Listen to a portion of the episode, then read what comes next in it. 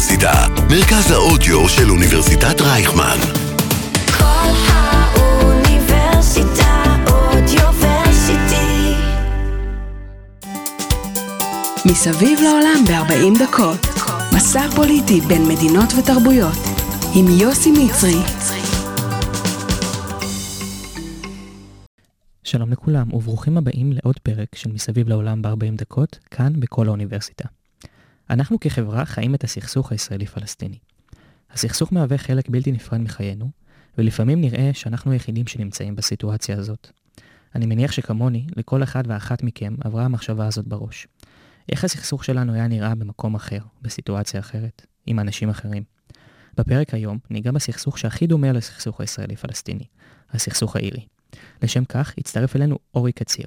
אורי הוא סופר, מורה דרך, היסטוריון ומדריך טיולי קבוצות באירלנד.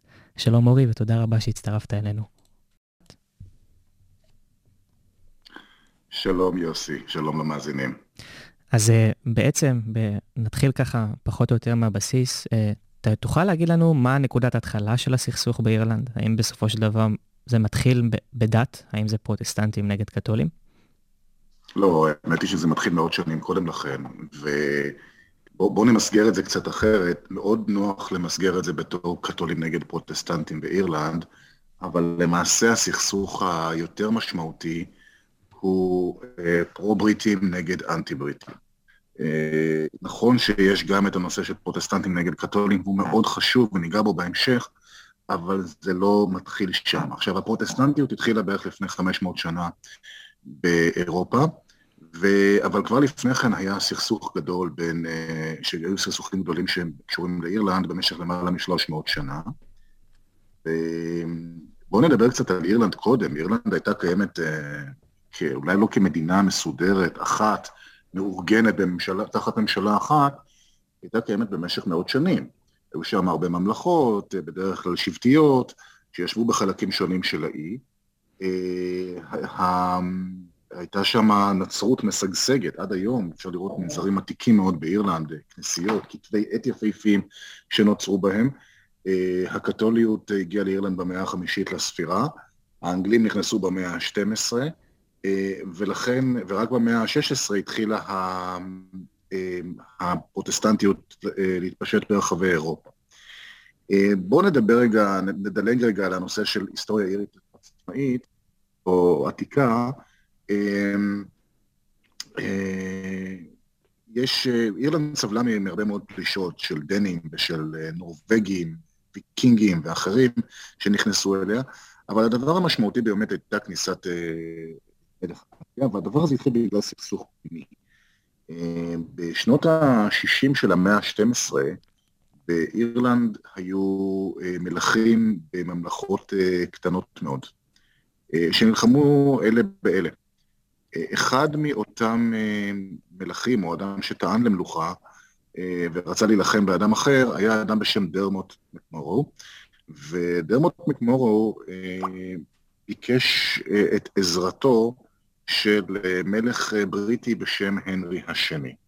השנה הייתה 1169, הנרי השני היה מלך כ-15 שנה, ומיד לאחר שאותו הנרי עלה לשלטון, הוא הלך, הוא גילה שהוא נמצא במצב מאוד מעניין.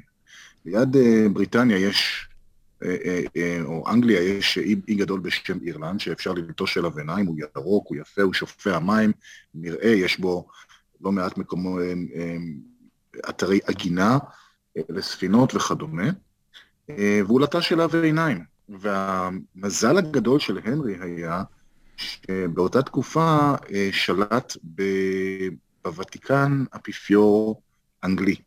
אולי הפעם היחידה בהיסטוריה שזה קרה. ואירלנד הייתה אז נומינלית כפופה לוותיקן. והנרי ביקש מאותו אפיפיור, אדריאנוס הרביעי קוראים לו, הוא ביקש ממנו את האישור לשלוט באירלנד בעצמו. זאת אומרת ש, שמלך בריטניה יהיה שליט אירלנד בחסדו של האפיפיור. והאפיפיור הסכים. נתן לו מין בולה או מין כתב הסכמה, והנרי ישב באנגליה וחיכה לזמן המתאים לעשות את זה. זה קורה, זה קורה ב-1155 בערך, 14 שנה מאוחר יותר, בא אותו דרמוט מקמורו, אחד מאותם אנשים שנאבקים על השליטה ברחבי אירלנד, ומבקש את עזרתו של, של הנרי. הנרי מקצה לו אציל בשם סטרונגבו, סטרונגבו, הקשת החזקה, השם האמיתי שלו היה ריצ'רד דקלר, הוא היה רוזן של פמברוק, ולצורך העניין הוא היה שגריר המלחמה של הנרי לצורך הסיפור הזה, ואותו אציל, סטרונגבו, מסכים. הוא מסכים לעזור לדרמוט מקמורו, הוא אומר, אני אסכים אה, להמליך, אני אגייס צבא, יבוא איתך ועם הצבא הזה לאירלנד, אמליך אותך על אירלנד בתנאי שתמסור לי את הבת שלך לאישה, ואחרי שאתה תמות, אני ארש את כס המלוכה. ודרמוט מסכים, וככה בעצם אה, מוכשרת הקרקע לפלישה הראשונה של האנגלים לאי. אה,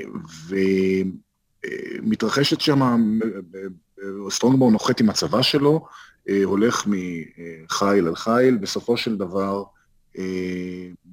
דרמוט מקמורו מת שנתיים לאחר מכן, ואציל אירי אחר מכריז על היותו מלך אירלנד. סטרונגבו אומר, רגע אחד, לי הבטיחו את הכתר הזה, אני גם נשוי לבת של, אה, של דרמוט מקמורו, ולמעשה פותח במלחמה נגד אותו אציל, מביס אותו, ובכך למעשה משתלט על אירלנד, או על חלקים גדולים מאירלנד. כאשר מי ששלח אותו לשם, הנרי השני, מלך אנגליה, רואה את זה, הוא אומר, רגע אחד, אני לא רוצה שאיזשהו אציל יקים אה, ממלכה חזקה לידי, אני רוצה לשלוט שם בעצמי, ולכן הוא אה, למעשה מחליט להיות השליטה של אירלנד בעצמו, וכך בעצם, בגלל סכסוך פנימי, בריטניה, או אנגליה יותר נכון, כובשת את אירלנד. ועד היום דרמוט מקמורו, שקרא לעזרת אנגלים למלחמה פנימית, נחשב לשם נרדף לבוגד באירלנד, משהו כמו בנדיקט ארנולד, ארנולד בארצות הברית, או יהודה איש קריות בנצרות. אז ההתחלה של הסכסוך היא מוקדמת בהרבה. אה, יותר מזה, אנחנו יודעים שגם לאחר מכן ישנם אה, סכסוכים קשים בין אה, אנגלים לבין אירים. אתה, אתה הזכרת, יוסי, את הנושא של הקתולים והפרוטסטנטים. אה, הרפורמציה, כלומר הרפורמה בנצרות שהכניס מרטין לותר מגיעה לאירלנד זמן קצר לאחר שלותר מפרסם אותה, ו... אה, אבל היא עדיין לא מהווה איום גדול, אה, ולכן הנרי השמיני, מלך אנגליה באותה תקופה, עדיין מוכר כמלך אירלנד, למרות, זאת אומרת, מוכרז, הבריטים, האירים מסכימים שהוא יוכרז כמלך אירלנד במקום אדונה של אירלנד, מה שאז נתן לו האפיפיור. אה, הנרי לימים מייסד כנסייה חדשה, כנסייה האנגליקנית, שהיא בעצם התפצלות של הפרוטסטנטיות, אה, ומפה והלאה מתחילים הניגודים, כאשר מלך אה, שהוא פרוטסטנט, ומהנרי השמיני כל מלכי אנגליה היו פרוטסטנטים, שולט במדינה קתולית, בארץ קתולית. ולכן פה מתחילה, מתחילה הבעיה. אה, יש לנו כאן, אה, הבעיה הזאת מגיעה לשיאה בימיו של, אה, בימי מלחמת האזרחים בבריטניה. במלחמה הזאת יש, היא בעצם מלחמה שמתחוללת בין, ה, בין הפרלמנט לבין המלך.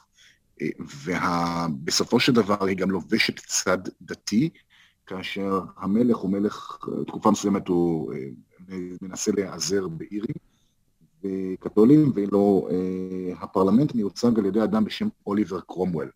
קרומוול הוא שליט מוכשר, אכזר, בצורה בלתי רגילה, רואה את עצמו כשליחו של אלוהים עלי אדמות, לא סובל קתולים ורודף אותם, והוא פולש לאירלנד, אה, ו...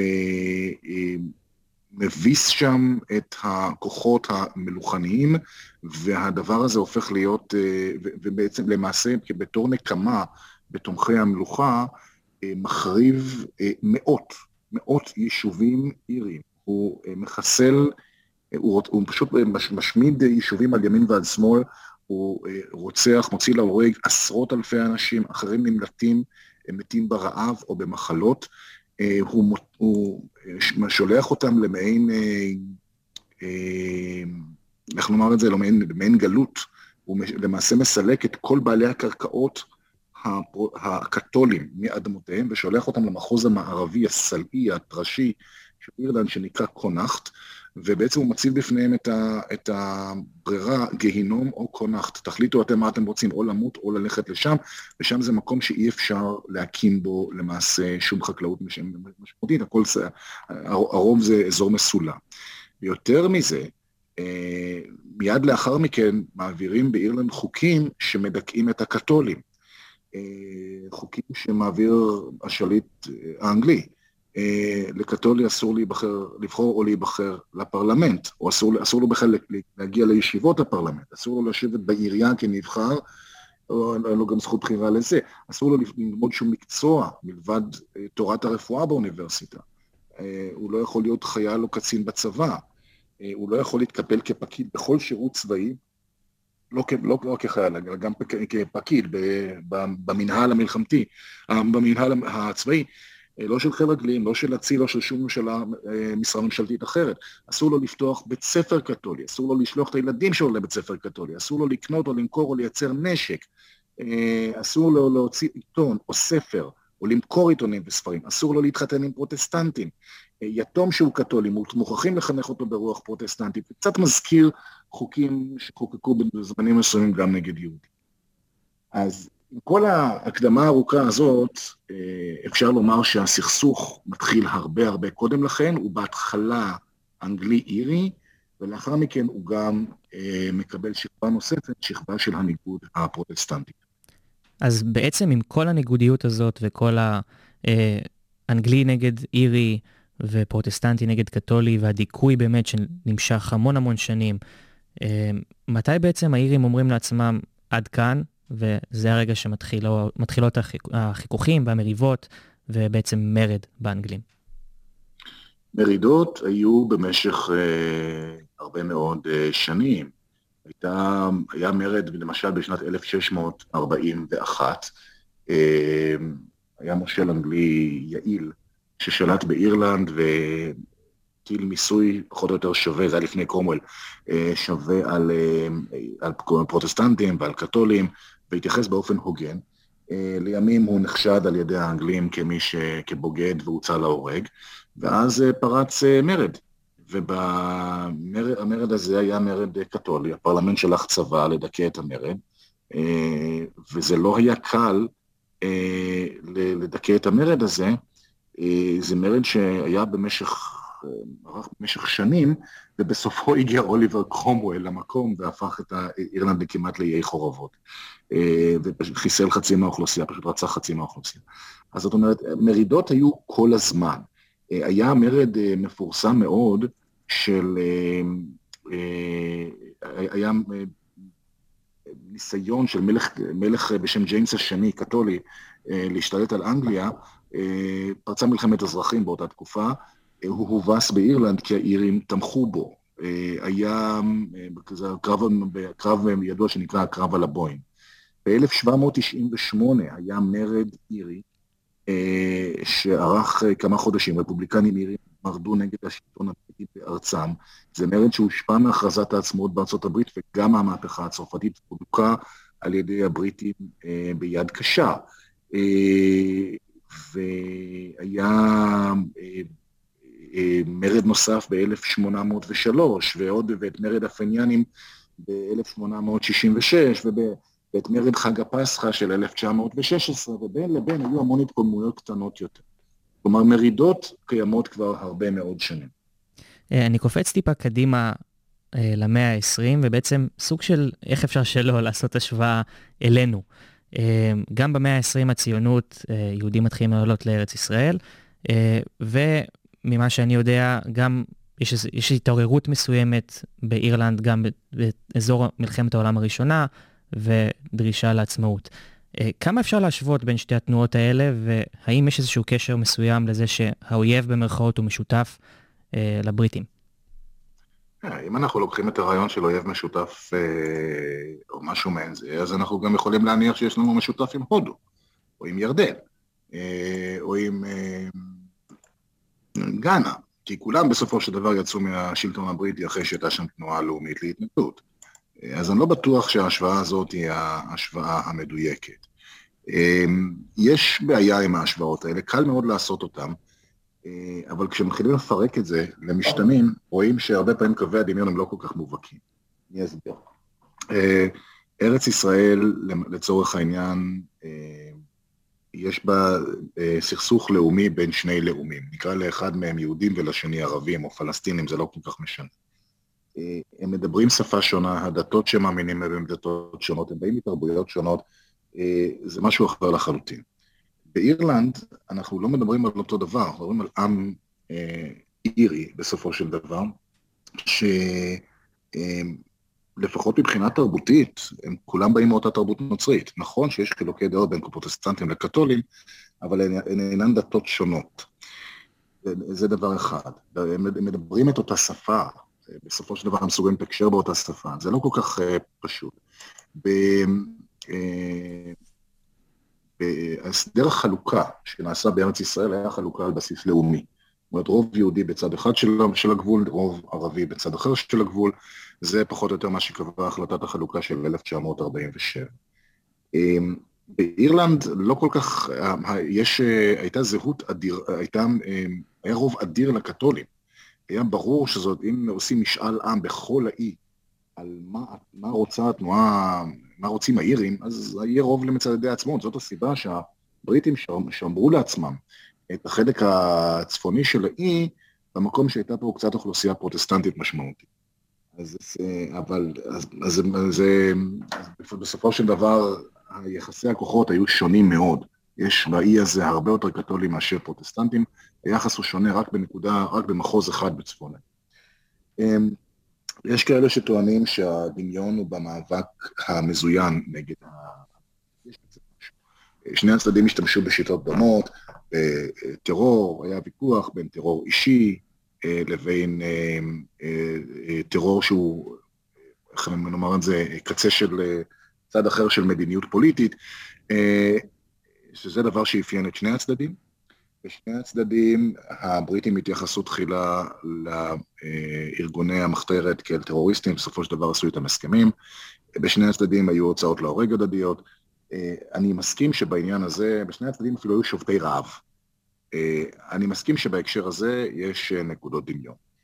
אה, אבל אם אפשר להסתכל על מה שמתרחש משנות ה-60 וה-70 והלאה, בסופו של דבר הקתולים בצפון אירלנד, שמוצאים את עצמם בתור החלק שנשאר תחת שלטון ישיר של בריטניה, רואים את עצמם בתור מדוכאים שצריכים להתעמת מול שולט, ובמובן הזה מזהים את עצמם יותר עם הפלסטינים מאשר עם הישראלים. כי אחרי, בשנות ה-60 וה-70, הרי ישראל גם היא שולטת ביהודה ושומרון, אמ, שליטה צבאית בעיקרה, ולכן אמ, למרות הניסיונות לאזרח את השליטה הזאת, מנהל אזרחי וכדומה, יש שם מיליוני אנשים שטוענים שהם עם כבוש, ולכן אה, הקתולים מתחילים להרגיש אותו דבר, ולא סתם היה שיתוף פעולה בין הארגון היציג אה, של המאבק האירי לעצמאות, ה-IRA, אה, לבין הארגון המקביל לו בצד הפלסטיני, אש"ף. בשנות ה-70 וה-80, הם התאמנו יחד אמ, בכלי נשק, שיתפו פעולה בלוגיסטיקה ובתכנון מבצעים וכן הלאה וכן הלאה. זה, דרך אגב, אש"ף לא שיתף פעולה רק עם ה-IRA, הוא גם שיתף פעולה עם ארגוני חבלה נוספים, כמו, כמו, כמו חבורת ביידר בדר מיינהוף המרקסיסטית בגרמניה, והצבא האדום היפני, גם הוא מרקסיסטי, שביצע את uh, הטבח בשדה התעופה לוד ב-72. אבל אה, זה היה בולט מאוד עם ה-IRA, אה, הם באמת שיתפו פעולה והם העבירו לאש"ף אה, לא מעט ידע באיך לייצר לוחמת גרילה עירונית, יעילה, בצורה מסודרת. אז כן, ב... יש דמיון, יש דמיון, יש דמיון, אבל יש גם לא מעט נקודות שוני. אז... יש נקודות שוני, רק, רק עוד דבר אחד, יש גם, נקוד, יש גם נקודות שוני בהיבט הסופי של כל זה. ה-IRA בשנת 2005 הניח את נשמע. התפרק ונשכח. הוא חתם שבע שנים קודם לכן על הסכם יום שישייתו, שזה הסכם לש... לסיום האלימות בצפון אירלנד. במסגרת ההסכם הזה, שני הצדדים אה, קיבלו על עצמם לא מעט אה, דברים שקשה להם מאוד מאוד לקבל. אה, למשל, אה, הממשלה המקומית בצפון אירלנד חייבת לכלול בתוכה גם את המפלגות הלאומניות וגם את אלה שרוצות איחוד עם, זאת אלה שרוצות איחוד עם, עם אירלנד, וגם אלה שרוצות, היוניוניסטיות, אלה שרוצות איחוד עם בריטניה. אה, כלומר, תחשוב שאצלנו מכריחים את אה, הליכוד ואת יש עתיד לשבת בממשלה. מדי פעם מתחלף ראש הממשלה והסגנו תמיד הוא מהמפלגה האחרת. זאת אומרת, בהגדרה תמיד יהיה מתח. כל חוק במועצה המחוקקת צריך לקבל רוב קולות כולל, כלומר, גם היוניוניסטים וגם הלאומנים צריכים לקבל, צריך שיהיה להם רוב. אה, צד אחד לא מספיק. אה, ברמה, אה, כוח המשטרה של צפון אירלנד, שנחשב לגוף אנטי-קתולי, הכריחו אותם לעבור רפורמה, והיה צריך להכניס יותר קתולים לתוך, ה, לתוך השיטור. פירקו עמדות של הצבא הבריטי, זה אומר שהפרוטסטנטים הרגישו פחות בטוחים. אפילו ברמה היומיומית, אתה הולך בתוך בלפאסט ואתה רואה שחלק מההסכמות זה לא להסיר למשל, או לא למחוק אה, כתובות אה, קיר וגרפיטי, או ציורי גרפיטי ענקיים, שבין היתר משבחים אנשים שהרגו אזרחים. אה, תחשוב שבמסגרת הספק כזה, אנשים צריכים ללכת כל יום לעבודה בירושלים או בתל אביב, ולראות תמונה, או לראות ציור ענק של מחבל חמאס, שהתפוצץ באיזושהי תחנת אוטובוס והרג 20 איש, כאשר הוא מרוח על קיר, ואסור להוריד את זה כי זה חלק מההסכם, כי הוא גיבור של הצד השני, ובאותה מידה, הראו אה, קיר עם תמונתו של אה, רוצח מערת המכפלה גולדשטיין, אה, והערבים לא יכלו למחוק את זה. זאת אומרת, יש פה דברים שהם מאוד מאוד קשים. למה אני מזכיר את כל זה? כי אנחנו עדיין לא הגענו לשלב הזה. אנחנו, אצלנו אף אחד לא יתפרק מנשקו. אצלנו אף אחד לא מנסה פרקטיקות של שלום שהן על בסיס דו-לאומי. אה, אצלנו אין אה, לוח זמנים לשחרור של אסירים מארגונים צבאיים שמכבדים את הפסקת האש, אצלנו זה עובד אחרת. אה, יש אסירים אצלנו ובני ערובה אצלם. יש כל מיני דברים כאלה שעדיין אנחנו ממש לא בכיוון. אז מה שאני מנסה לעשות איזשהו אה, סיכומון בשביל להבין בערך את הלך הרוח באי, באי האירי, אמ, אז בסופו של, בנקודה מסוימת היה איזשהו הסכם חלוקה בתוך האי עצמו, שמשאיר את צפון אירלנד כמעוז הפרוטסטנטים, והקתולים בעצם מקבלים את אירלנד כמדינה אה, לקתולים. ומה בעצם, בעצם גורם לתסיסה בתוך צפון אירלנד, למאבק הזה שאנחנו רואים במהלך המאה ה-20, שבאמת מאוד חופף עם המאבק הפלסטיני? זאת אומרת, הקתולים שנשארו כ... אה, גרורה במרכאות בתוך צפון אירלנד, הם עדיין סובלים מדיכוי והם עדיין אה, מוחלשים בכוונה על ידי הממסד והם בעצם מנסים להשיג את הזכויות שלהם? תראה, אני יכול, אנחנו יכולים לדבר על זה, אה, לדבר על זה לאורך זמן, אבל הסיפור הזה הוא קצת יותר מורכב. בואו נתחיל מקודם. אה, בשנת 21, ב-6 בדצמבר 21, נציגי ממשלת אה, בריטניה, ו...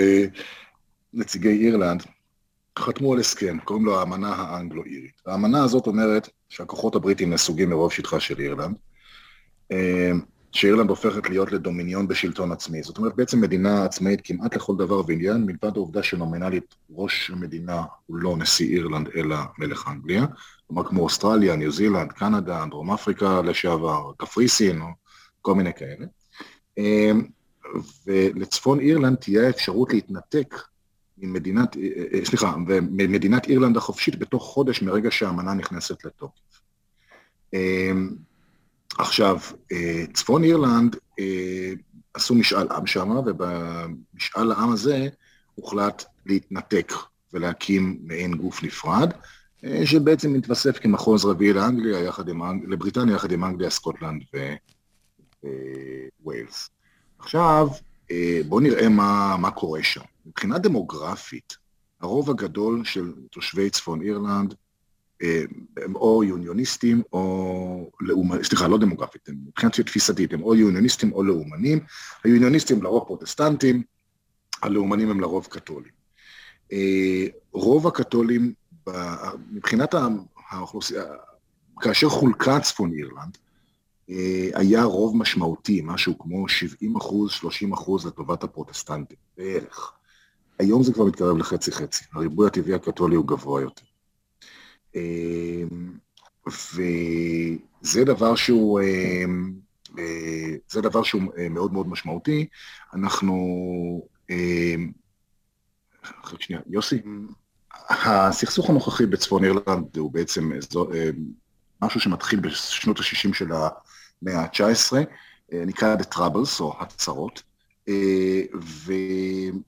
והוא התחיל מכך שהקתולים בצפון אירלנד חשו מקופחים מבחינת הזכויות שלהם, והם יצאו לאיזשהו קמפיין שנקרא קמפיין זכויות האזרח, שעוצב בדמותה ובצלמה של תנועת זכויות האזרח של מרטין לותר קינג בארצות הברית. ובשני ה... בשנות ה-60, על רקע האבטלה כבדה, ראש ממשלת צפון אירלנד דאז ביקש ליצור חברה יותר שוויונית. זה ניסוי שעורר תסיסה בקרב הפרוטסטנטים, שבראשם עמד כומר בשם איאן פייזלי, והם הקימו מחדש את,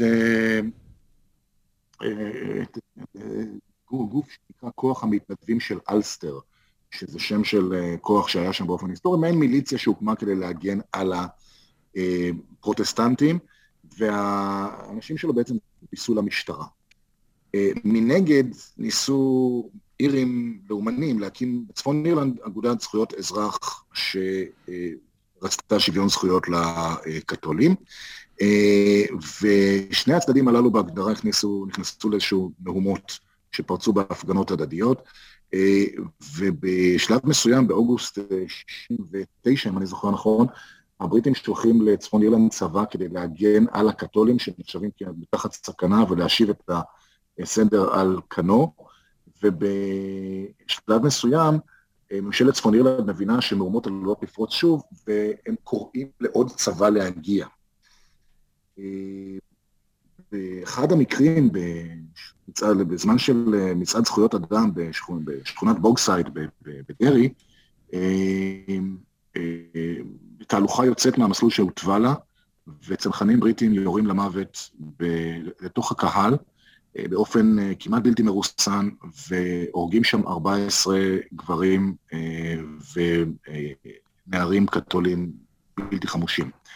הראשון, זה נקרא בלאדי סנדיי, ב-30 בינואר 72, וזה למעשה ראשיתו של, ראשיתה של תקופה שנקראת The Troubles, שבה יש פיגועי טרור הדדיים. מיד, כמה חודשים לאחר מכן, ה-IRA ביצע סדרה של פעולות טרור, הקים פצצות, יש, הקים, הרג לא מעט לויאליסטים וחיילים, באירוע שנקרא Bloody Friday, זה ביולי 72, בערך חצי שנה אחרי האירוע של Bloody Sunday. פצצות שהוטמנו במרכז בלפאסט, נדמה לי משהו כמו יותר מ-20 פצצות, הרגו תשעה בני אדם וכן הלאה.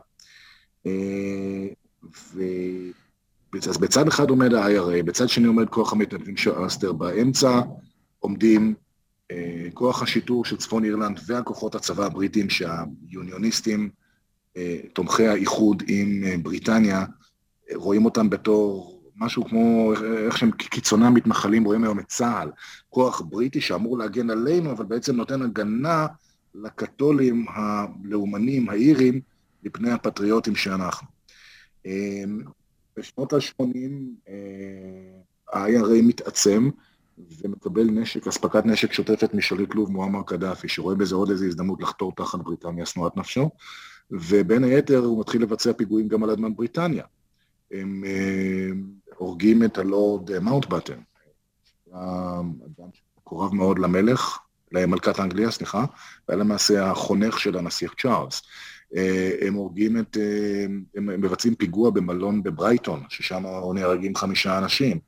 הם מכינים פיגוע בגיברלטר, הבריטים עושים את זה בזמן ומחסלים אותם.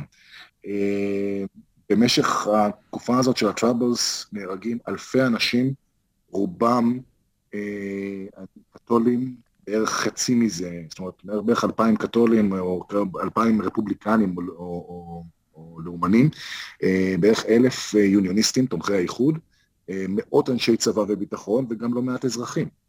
אני יכול לספר לך שפגשתי פעם אירי שסיפר לי שכשהוא היה נער, הוא איבד את שתי אחיותיו. שנסעו באוטובוס, וה-IRA טמן פצצה מטען צד בבלפאסט. המטען הצד הזה היה אמור לפעול על רכב צבאי בריטי שנסע לפני האוטובוס, אבל הם פספסו בהפעלה, ומה שנפגע היה האוטובוס עצמו ושתי אחיותיו נהרגו. אז לא מעט, לא מעט בלאגן היה שם. התקופה הזאת בעצם הסתיימה בהסכם יום שישי הטוב, הסכם בלפאסט, שנחתם באפריל 98, ממש החודש הזה לפני 24 שנים, וההסכם הזה בעצם נועד להסדיר את עתידה של צפון אירלנד לפי רצון אזרחיה ובאופן דמוקרטי. אה, השני האנשים שניסחו את ההסכם, ג'ון יום ודייוויד טרימבל, גם זכו בפרס נובל לשלום באותה שנה. אז אה, אם אתה באמת רוצה להשוות למה שקורה במזרח התיכון, נדמה לי שגם אצלנו היו שני, כמה הסכמים שחותמיהם אה, תוגמלו בפרסי נובל. אז זהו, זה בדיוק פחות או יותר השאלה הבאה שלי. מה לדעתך קרה בשנות ה-90 בצפון אירלנד הכוונה, שגרם לאנשים להבשיל, להנהגה להבשיל ולהגיע למצב שאוקיי, אנחנו צריכים לסיים את הסכסוך הזה? אמ, כמה דברים. אה, קודם כל, ההסכם, אה, תראה, ההסכם נוצר מכיוון שהייתה פה איזושהי בעיה. גם בריטניה וגם אירלנד, אירלנד החופשית אני מתכוון, הן מדינות שהן חברות באיחוד האירופי, או לפחות היו אז חברות באיחוד האירופי. אה, הסיפור בצפון אירלנד יוצר מצב מוזר, שבו קיים ביניהם איזשהו סוג של סכסוך, אה, והדבר לא רצוי לאף אחד. זה דבר אחד. דבר שני, אל תשכח שכל מיני גורמים שיכלו לפמפם את ההסכם הזה, למעשה הלכו ונחלשו. אה, מנהיג לוב קדאפי כבר לא היה חזק כשהיה בעבר. הגוש המזרחי באירופה, שקצת סייע ל-IRA אה, בתקופות מסוימות, התמוטט בראשית שנות ה-90 והיה בתהליך של אה, בדיקה עצמית והתאוששות. חלק מהמדינות שלו בכלל עברו לצדד במערב, הפכו להיות חברות באיחוד האירופי וכן הלאה. אה, למעשה עוצמת הסכסוך הלכה ונחלשה, וגם היה שם איזשהו סוג של עייפות החומר. היה ברור שהעסק הזה לא הולך לשום מקום. זה לא היה יכול לקרות שנים קודם לכן. אמ, אה, תחילת שנות ה-80, סוף שנות ה-70, תחילת שנות ה-80, באמצע הצהרות, אה, היה מקרה של אה, אדם בשם בובי סנס, שרצה, שהחליט לרוץ לפרלמנט הבריטי ולהיות חבר פרלמנט. עכשיו, בובי סנס היה למעשה איש IRA, וללכת להיות... אה, אה, הוא החליט שהוא מתמודד, הוא החליט שהוא מתמודד והוא גם ניצח בבחירות, אבל הוא היה חבוש בכלא. מכיוון שכך, לא יכול היה, ראש הממשלה, ראשת הממשלה אז, תאצ'ר, אה, סירבה לאפשר לו לייצג את הפיין, את הזרוע הפוליטית של ה-IRA, ראתה בו מחבל. סנס הודיע שהוא ישבות רעב, הוא שבת רעב עד מוות, ואחריו החלו אחד אחרי השני לשבות רעב ותשעה אסירים נוספים, וכל העשרה מתו מרעב. אה, זאת אומרת, היה ברור ששיא הדרמה כבר מאחורינו, כי אחרי העשרה האלה ה-IRA לא הלך לכיוון הזה. אה, היה ברור שהיה צריך, שהייתה עייפות חומר, אי אפשר היה יותר להמשיך עם זה.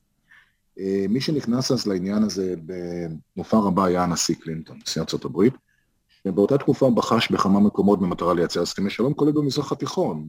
קלינטון בין היתר אה, ניסה לתווך בינינו לבין הפלסטינים, ובין היתר הוא שיגר סנטור בשם אה, ג'ורג' מיטשל, אה, שיעבוד על הסיפור הזה מול, ה, מול הבריטים, מול הבריטים והאירים, ועם אזרחי צפון אירלנד, וההסכם הזה זה הסכם שהיה ברור שהוא גדולה. עכשיו, כשאני אומר איפוק, אה, זה לא דבר מובן במזרח התיכון. אם תסתכל על המקבילה, נניח, אה, זה הסכם ב-98, ב-93 חתמו על הסכמי אוסלו. הסכם אוסלו, בואו נשים רגע את כל הדברים האחרים בצד, ההבנה הייתה שהולכים לפשרה אה, טריטוריאלית עם הפלסטינים, שהם זומחים את הטרור, שישראל מקבלת את אש"ף כמייצג, של העם הפלסטיני, משהו שהיא סרבה לעשות קודם לכן, הם מכירים בזכותה של מדינת ישראל להתקיים, ישראל מכירה בזכות הפלסטינים להגדיר את עצמם, עדיין לא כמדינה, ושכל צד, וזה דבר שלא נאמר בשום הסכם, אה, ירסן את, הצד, את הצדדים הקיצוניים שלו. במשתמע יאסר ערפאת את החמאס והג'יהאד האיסלאמי, ואילו אה, ישראל את הגורמים החמושים הן בצד הערבי הקיצוני בישראל ובוודאי בצד הימני הקיצוני. אה, זה בגדול היה הכיוון. בישראל והפלסטינים לא הצליחו לעשות את זה. לא הצליחו, לא רצו, זה לא משנה. באירלנד זה כן קרה.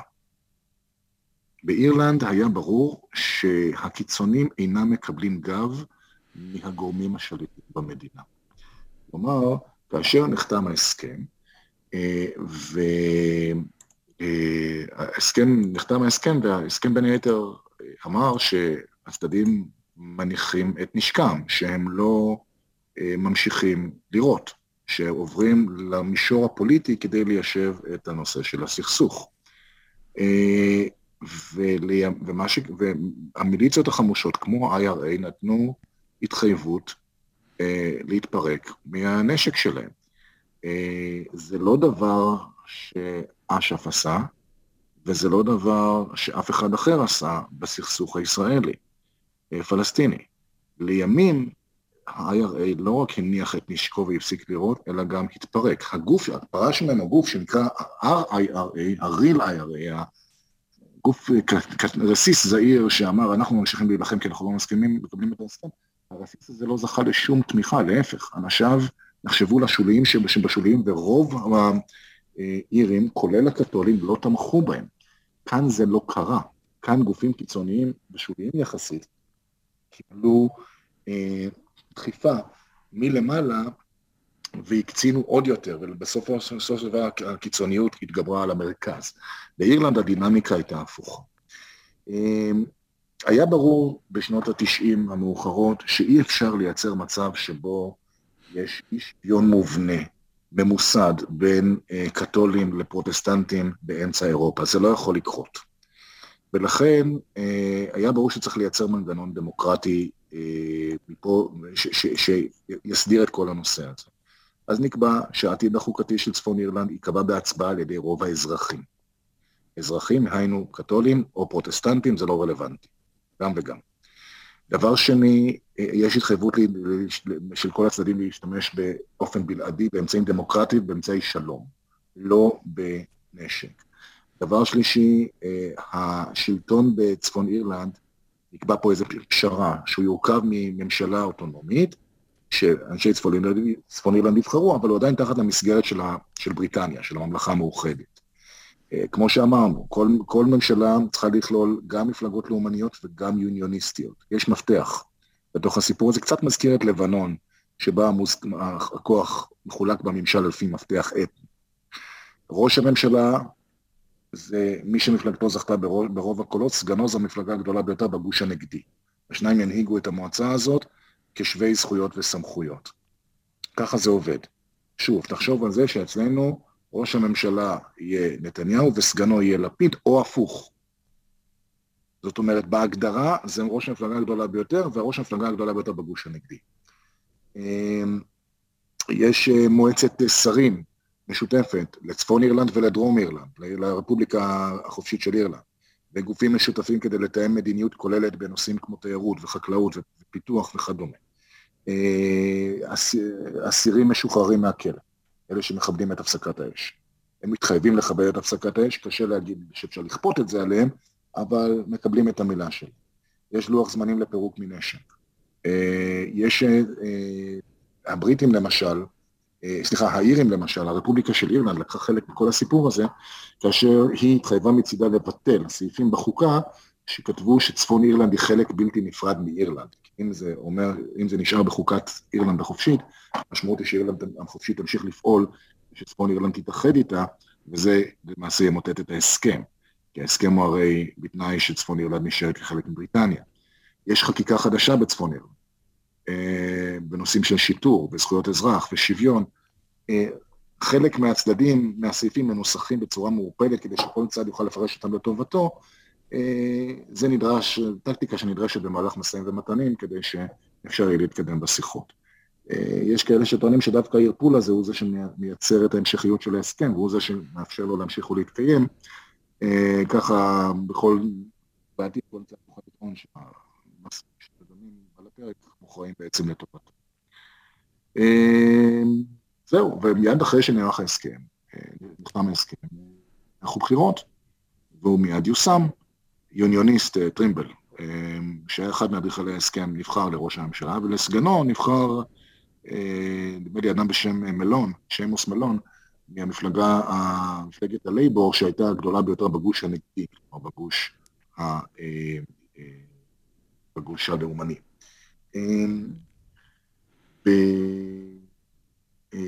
ארגון ה-IRA יצא ב-2005 בהצהרה פומבית שהמלחמה בינו לבין הבריטים הסתיימה ונתן הנחיה ברורה לכל הפלגים, לכל הארגונים שמאורגנים תחת השם הזה, להניח נשק ולהשמיד את הנשק שיש בידיהם. ההסכם הזה אושר במשאל עם. המשאל עם הזה התקיים גם בצפון אירלנד וגם באירלנד החופשית. למה באירלנד החופשית? כי הרי לפי החוקה האירית, עד אז, צפון אירלנד היא חלק מאירלנד החופשית, למרות שהיא בפועל אינה כזו.